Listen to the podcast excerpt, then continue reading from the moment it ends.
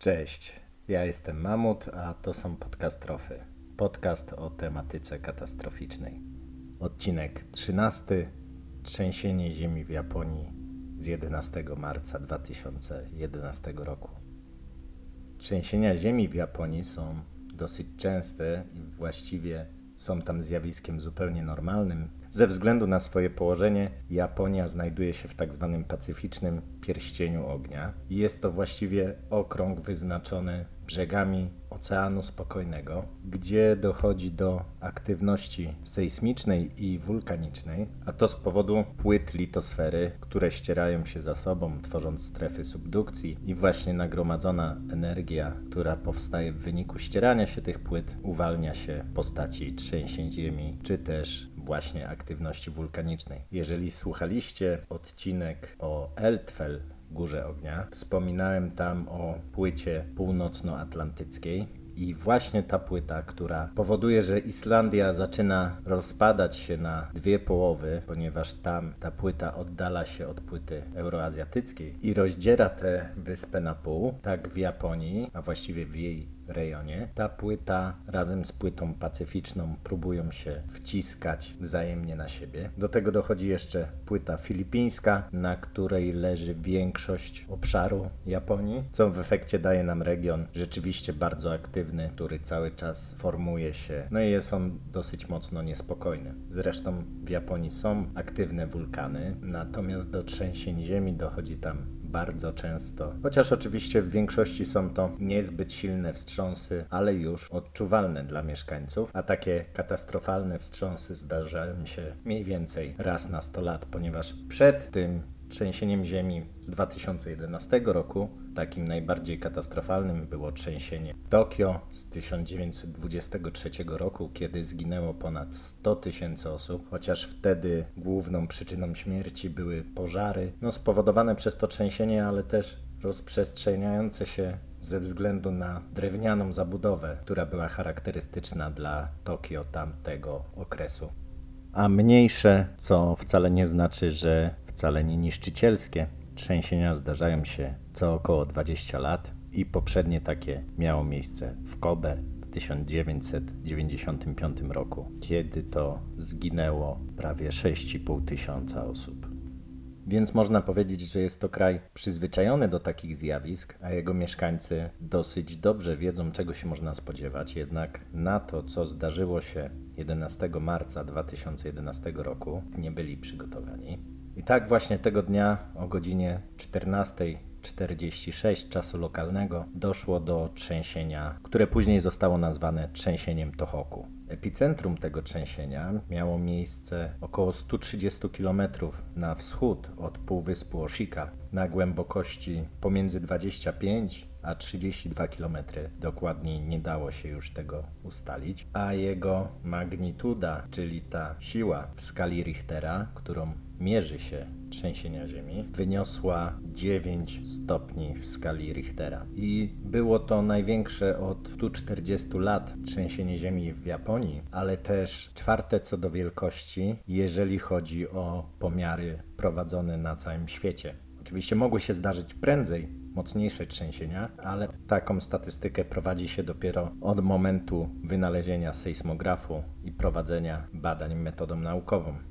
Myślę, że jest to dobry moment, żeby powiedzieć sobie parę słów w ogóle o skali Richtera i jak ona działa. Nie będziemy się tu oczywiście zagłębiać w to, jak oblicza się magnitudę drgań, natomiast myślę, że ważne jest to, żeby mieć gdzieś z tyłu głowy, że sejsmografy mierzą amplitudę tego trzęsienia Ziemi, po czym jest ona przeliczana właśnie na wartości w magnitudzie, a tę opisuje właśnie zmodyfikowana już dzisiaj skala Richtera, ponieważ pierwotnie była ona obliczona dla trzęsień ziemi występujących w rejonie Kalifornii i jej największą wadą było to, że skutecznie opisywała drgania w sile od 3 do 7 stopni, a dalej powyżej tej wartości opis tą skalą był niedokładny, więc musiała być ona po prostu zmodyfikowana i po tej modyfikacji została przyjęta na całym świecie. Dlatego też, mimo że specjaliści wolą używać innych określeń, to jednak w mediach i w świadomości ludzkiej wciąż funkcjonuje pojęcie skali Richtera i będzie nam po prostu najprościej się nią posługiwać. Skala ta jest otwarta i każdy jej stopień oznacza dziesięciokrotnie większą siłę trzęsienia niż poprzednik. Więc tak dla samego przykładu, wstrząs o sile 1,1 będzie dziesięciokrotnie silniejszy niż ten o sile 1, a wstrząs o sile 2 stopni będzie już stukrotnie silniejszy niż ten o sile 1 stopnia. Więc z każdym pełnym stopniem ten przyrost jest stukrotny. Dlatego tak ważne podawanie jest tych danych po przecinku, że dane trzęsienie miało siłę 7,5 czy 7,6 stopnia w skali Richtera, to ta różnica jest dosyć poważna i ma spore znaczenie.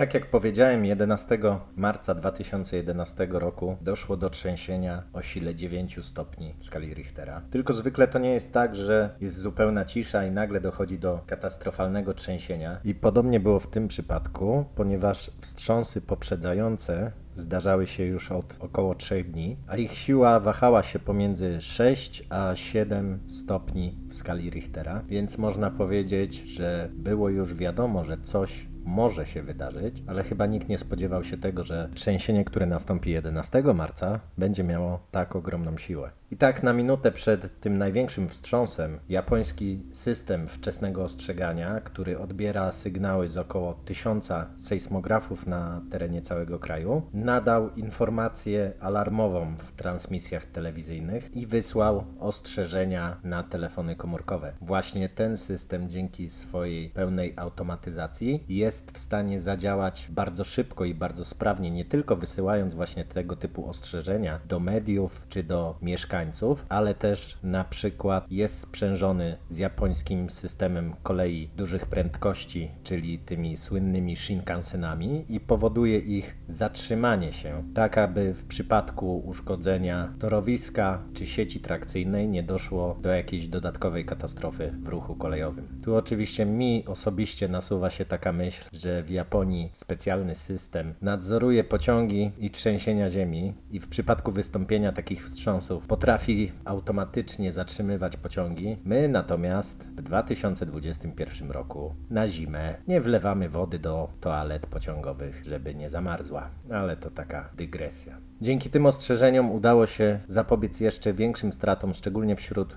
ludności, ponieważ albo udało im się opuścić budynki, które mogły ulec zawaleniu, albo znaleźli sobie jakieś bezpieczniejsze schronienia, które były zdecydowanie wytrzymalsze i uchroniło to ich choćby przed jakimiś spadającymi przedmiotami w przypadku, gdyby przebywali oni na ulicach miast. Samo trzęsienie było na tyle silne, że zdaniem naukowców z Narodowego Instytutu Geofizyki i Wulkanologii przesunęło ono oś Ziemi o około 10 cm, a zgodnie z tym, co twierdzą eksperci z NASA, dzień uległ skróceniu o 1,6 mikrosekundy. Sama wyspa Honshu przesunęła się o prawie 2,5 metra, a płyty tektoniczne obniżyły się o ponad 18 metrów. No i w efekcie tego gwałtownego przesunięcia się płyt tektonicznych doszło do tsunami. Bardzo często właśnie kiedy trzęsienie ziemi ma miejsce gdzieś na oceanie, w wyniku tego gwałtownego uwolnienia się energii, która do tej pory była zmagazynowana w postaci naprężeń w płytach tektonicznych, dochodzi do uformowania się fal tsunami. I tak było w tym przypadku, kiedy powstałe fale, w zależności od tego, gdzie dotarły i jaka była charakterystyka też terenów przybrzeżnych, miały od 10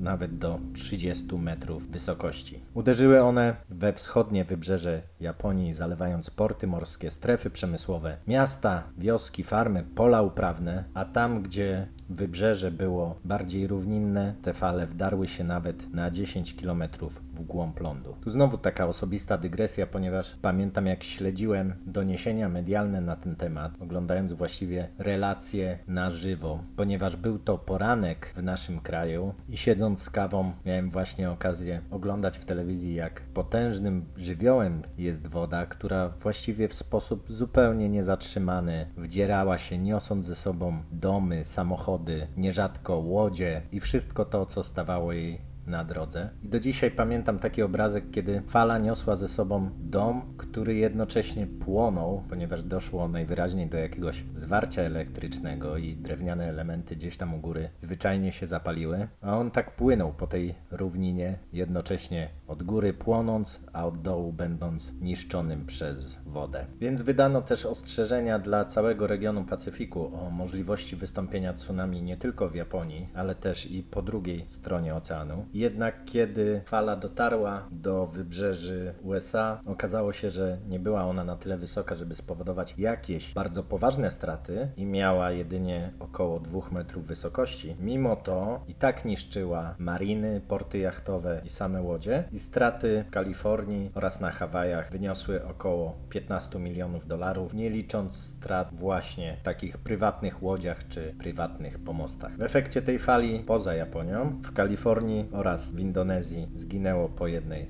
osobie. W wielu miejscach, które nie zostały bezpośrednio dotknięte samym tsunami, ale które odczuły na sobie siłę wstrząsów, doszło do pożarów. I tak w samym Tokio wybuchło co najmniej 10 poważnych pożarów oraz doszło do pożaru w rafinerii ropy naftowej w mieście Ichihara. Wiele budynków zostało zawalonych, no i oczywiście z tego też powodu drogi stały się nieprzejezdne, ponieważ zostały zwyczajnie zablokowane przez gruz lub też osuwiska ziemi spowodowane tymi wstrząsami spowodowały pęknięcia nawierzchni asfaltowej i powstanie niebezpiecznych uskoków, więc dotarcie służb ratunkowych też nie należało do najprostszych. Duże obszary Japonii zostały pozbawione prądu i cała właściwie 30-milionowa aglomeracja Tokio, Kawasaki, Yokohama, Chiba zostały sparaliżowane komunikacyjnie, ponieważ nie mogła kursować kolej zasilana prądem, czy też metro. Dochodziło do oczywiście wielu wypadków na drogach, ponieważ system sterowania ruchem też jest zasilany elektrycznie. No i zawieszony został ruch lotniczy, a dostawy wody pitnej zostały wstrzymane, gdyż zwyczajnie nie było czym zasilać pomp które zasilają wodociągi.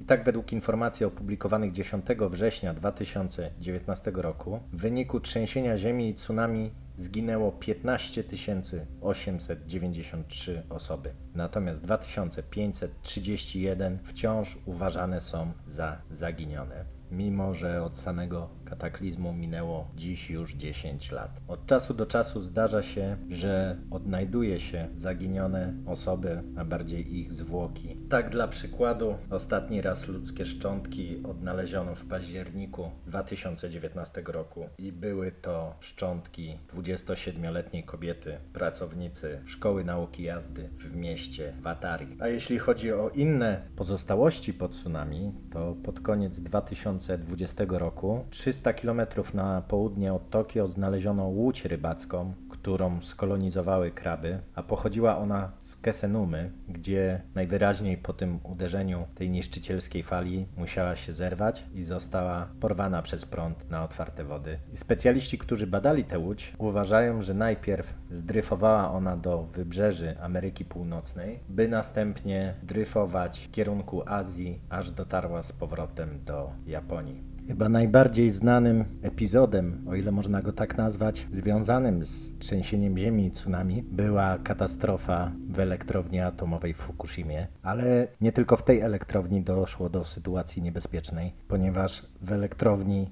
atomowej Onagawa doszło do pożaru, z którym strażacy walczyli do godziny 23, jak później ustalono nie stanowił on większego zagrożenia dla samej elektrowni i dotyczył piwnic budynku turbin, ale mimo wszystko nie tylko w Fukushimie było niebezpiecznie. Więc przejdźmy teraz właśnie do Fukushimy. Tego dnia w elektrowni reaktory pierwszy, drugi, trzeci były włączone i pracowały normalnie, a czwarty, piąty i szósty były odłączone i wygaszone już prędzej w celu przeprowadzenia okresowej kontroli. System zabezpieczeń krótko po zarejestrowaniu trzęsienia Ziemi uruchomił automatyczny system wyłączenia wszystkich pozostałych pracujących reaktorów. Jednak takie wyłączenie nie odbywa się w ciągu kilku sekund poprzez naciśnięcie po prostu guzika wyłącznika i reaktory muszą być chłodzone jeszcze przez dłuższy czas, żeby temperatura rdzeni mogła spaść do normalnej po już zaprzestaniu tych reakcji jądrowych, które zachodzą w reaktorze. I w normalnej sytuacji ten system chłodzenia jest zasilany przez energię elektryczną wytworzoną przez sam reaktor, no ale kiedy zostaje on wyłączony, rolę zasilania powinny przejąć inne źródła, więc albo zasilimy go z sieci zewnętrznej, co było w tym przypadku niemożliwe z powodu olbrzymich uszkodzeń sieci energetycznej i niedoborów prądu, albo zastąpimy to zasilanie energią dostarczoną przez zwyczajnie agregaty prądotwórcze. I te dieslowskie agregaty uruchomiły się normalnie, żeby zasilać pompy tłoczące chłodziwo do reaktora. Jednak o godzinie 15.41 doszło do ich zatrzymania, a obieg chłodziwa został zatrzymany. Procedura wymagała, aby w tym czasie właściciel elektrowni, czyli firma TEPCO, powiadomił władze i jednocześnie ogłosił w komunikacie pierwszy stopień zagrożenia. I tak też się stało. I równocześnie ruszyły przygotowania do ewakuacji tych osób zamieszkałych najbliżej. I kiedy te generatory przestały pracować, mimo wszystko systemy kontroli mogły wciąż jeszcze funkcjonować, bo były zasilane bateriami akumulatorów. Niestety ich żywotność wynosiła maksymalnie 8 godzin. I próbowano ściągnąć baterie akumulatorów z innych elektrowni, jednak trwało to zbyt długo i dotarły one po 13 godzinach, a i tak nie dało się ich podłączyć do pomp systemu zasilania chłodziwem, ponieważ miejsce, w którym znajdowały się te urządzenia, zostały zalane przez wodę. Istniała jeszcze szansa, żeby wykorzystać parę produkowaną przez sam reaktor i skierować ją do napędzania już ostatecznego, awaryjnego systemu zasilania pomp. Jednak okazało się, że w jakimś miejscu dochodzi do przecieku i para ta najprawdopodobniej wydostaje się poza sam reaktor. I w tej sytuacji spowodowało to spadek poziomu wody w rdzeniu, a jak pewnie wiecie, jeżeli rdzeń nie jest odpowiednio dobrze chłodzony, no to następuje wzrost temperatury i ciśnienia wewnątrz reaktora. I tak o czwartej nad ranem 12 marca ciśnienie już dwukrotnie przekraczało dopuszczalne normy bezpieczeństwa i nie było już sposobu, żeby wtłoczyć jakiekolwiek chłodziwo do reaktora. Wtedy też rozszerzono obszar ewakuacji do 10 km, a popołudniem rozpoczęto kontrolowane wypuszczanie pary w celu obniżenia ciśnienia wewnątrz reaktora numer 1. Jednak o 15.36 doszło do eksplozji wodoru w samym budynku reaktora, a to spowodowało zawalenie się ścian i dachu budowli. Na szczęście zbiornik reaktora i osłona bezpieczeństwa nie zostały naruszone. W tym momencie obszar ewakuacji ponownie został rozszerzony do 20 km wiadomo było już, że awaria systemu chłodzenia obejmuje wszystkie trzy reaktory, a samemu temu incydentowi nadano czwarty w siedmiostopniowej skali stopień zdarzenia jądrowego. I tak wieczorem około godziny 20 zaczęto chłodzić reaktor, po prostu polewając go wodą morską, wykorzystując do tego strażackie pompy, aby nie dopuścić do stopienia się rdzenia reaktora.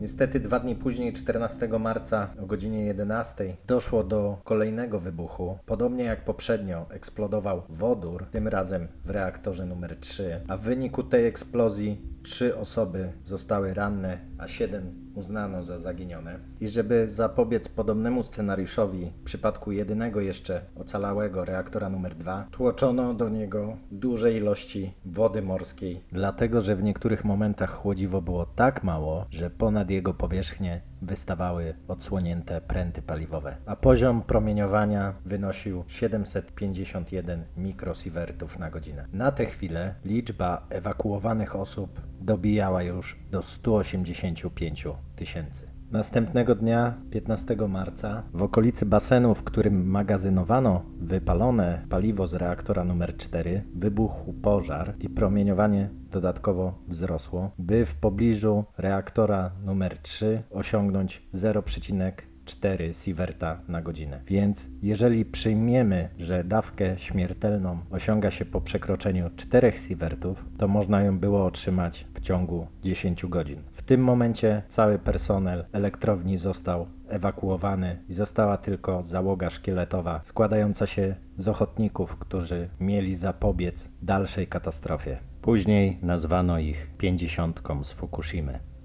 Możemy sobie tak opisywać kolejne dni i kolejne pożary wybuchające na terenie elektrowni Fukushima, jednak chyba nie to jest najważniejsze. Myślę, że warto wspomnieć, że akcja ta trwała jeszcze dosyć długo i wykorzystywano praktycznie wszystkie dostępne środki, żeby jakkolwiek schłodzić te reaktory, ponieważ były one schładzane przy użyciu armatek wodnych, ale też przy wykorzystaniu helikopterów, które zrzucały wodę z wysokości. I tak w końcu, dzięki ogromnemu poświęceniu, udało się w końcu tę temperaturę obniżyć, tak aby ekipy ratunkowe mogły w ogóle zacząć operować w bezpośredniej odległości od reaktorów. I dzięki temu udawało się przywracać do sprawności kolejne systemy, najpierw zasilania, a następnie chłodzenia. Cała ta akcja trwała aż do 16 grudnia 2011 roku, kiedy to zarząd TEPCO i rząd japoński ogłosiły, że temperatura w reaktorach spadła do poziomu, poniżej którego można je uznać za wyłączone. Oczywiście nie był to koniec usuwania skutków tej awarii, ponieważ pozostały olbrzymie ilości skażonej wody, która jest przechowywana w dużych zbiornikach, ale do 2022 roku te zbiorniki mają być już niewystarczające i zwyczajnie przepełnione, więc zaproponowano, aby zrzucić tę wodę do oceanu i spotkało się to z ogromnymi protestami społeczności międzynarodowej, ale też władz zarówno Unii Europejskiej, WHO, jak i Stanów Zjednoczonych. I jak na razie nie ma pomysłu na zagospodarowanie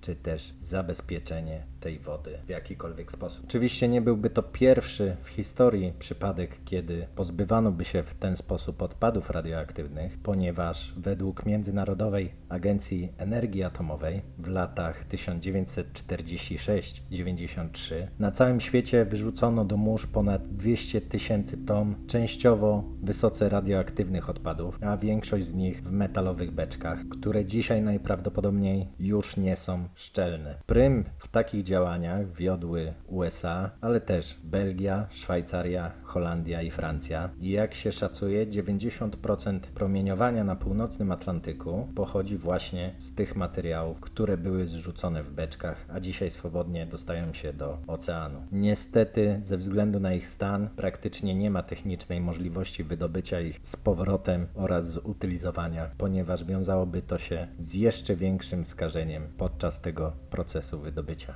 Firma TEPCO odkłada też na bliżej nieokreśloną przyszłość rozpoczęcie procesu usuwania stopionego paliwa z reaktorów. Miał się on rozpocząć właśnie w 2021 roku, ale już wiadomo, że w tym roku to nie nastąpi, ponieważ przerwano pracę nad konstruowaniem robota, który miałby się tym zająć, a nie mogą tego zrobić ludzie, ponieważ przy włazach prowadzących do środka rdzenia reaktorów numer 2 i 3 promieniowanie wynosi 10 sievertów na godzinę, więc 30 minut i tak oznaczałoby otrzymanie dawki śmiertelnej. I jak na razie nie wiemy, jaki scenariusz jest brany pod uwagę, żeby usunąć te stopione paliwo w przyszłości. Ale skażona woda i paliwo nie są jedynym problemem, dlatego że skażeniu uległa również gleba i już rok po katastrofie w Fukushimie zaczęto zdzierać wierzchnią 5-centymetrową warstwę gleby, do której dostały się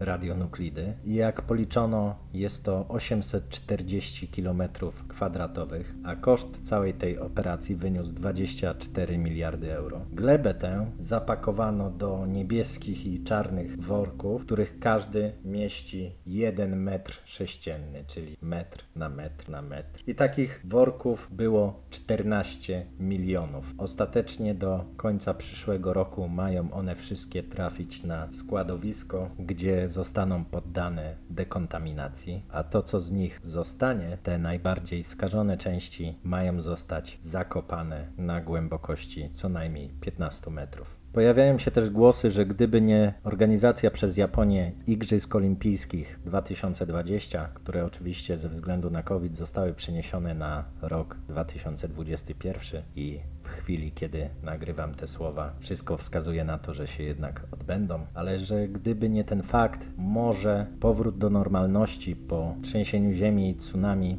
trwałby krócej i odbywał się sprawniej, a zamiast tego Japonia musiała zainwestować potężne środki w obiekty sportowe, ponieważ po 10 latach cały czas 42 tysiące osób czekają na przeprowadzkę do własnego domu, a 2 tysiące z nich ciągle żyje w tymczasowych kontenerach, których trwałość przewidziana była na 3 lata. Oczywiście wykonano ogrom pracy, ponieważ odbudowano 154 tysiące domów, 30 tysięcy budynków komunalnych, a 18 tysięcy innych domów przeniesiono ze strefy zagrożonej wystąpieniem tsunami w przyszłości do miejsc, w których będą bezpieczniejsze. Odbudowano praktycznie 97% przemysłu i udało się odzyskać 94% ziemi uprawnej, a mimo to do odbudowy kompletnej jeszcze jest daleko, ponieważ odbudowa to nie tylko tylko ponowne postawienie budynków, ale to też zajęcie się ludźmi. Jest pewna liczba 3830. Jest to liczba ofiar tego trzęsienia ziemi i tsunami, które nie są wliczane do oficjalnych statystyk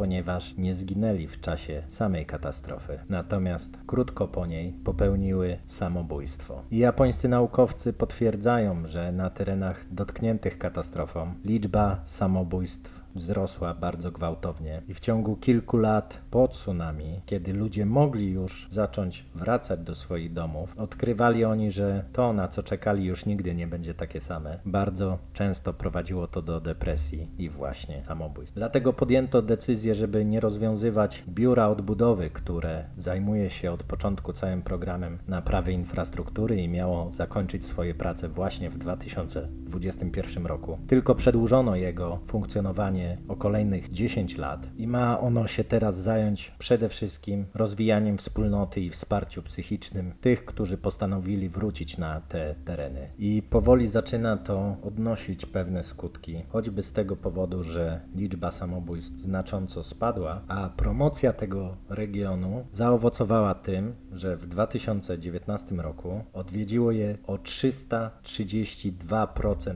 więcej turystów niż w 2010 przed katastrofą.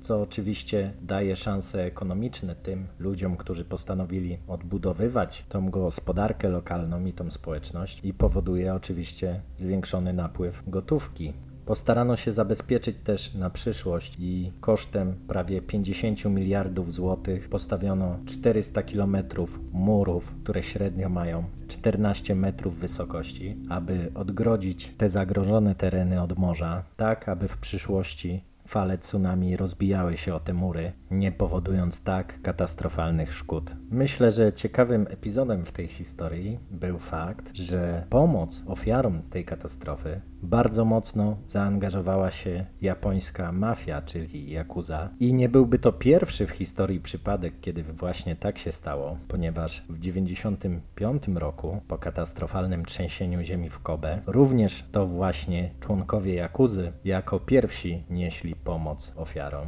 Tak, w tym przypadku zorganizowali oni dostawy żywności i innych niezbędnych artykułów pierwszej potrzeby, które dostarczyli na miejsce ciężarówkami, a ogólna wartość tej pomocy, jak szacuje agencja Reutersa, wynosiła pół miliona dolarów. Niektórzy twierdzą, że jest to chwyt PR-owy, inni, że wynika on z faktu, że wielu członków Jakuzy wywodzi się z nizin społecznych i był to po prostu zwyczajny odruch ludzkiej empatii. Jeszcze trzecia teoria głosi, że liczą oni po prostu na zdobycie lukratywnych kontraktów przy odbudowie zniszczeń. Nie zmienia to faktu, że chyba nie ma to większego znaczenia dla osób które tę pomoc otrzymały, bo kiedy nie ma się nawet dachu nad głową, to raczej darowanemu koniowi nie zagląda się w zęby i przyjmuje się każdą pomoc, obojętnie z jakiego ona by nie była źródła. Oczywiście na koniec chciałbym Was zaprosić na stronę podcastrofy na Facebooku, gdzie tradycyjnie możecie zobaczyć zdjęcia nawiązujące do historii, o których opowiadam. Możecie też rozważyć wsparcie podcastrof na Patronite Tam znajdziecie mnie wpisując w wyszukiwarkę hasło Mamut Podcasty. To tyle jeśli chodzi o tę katastrofę. Do usłyszenia.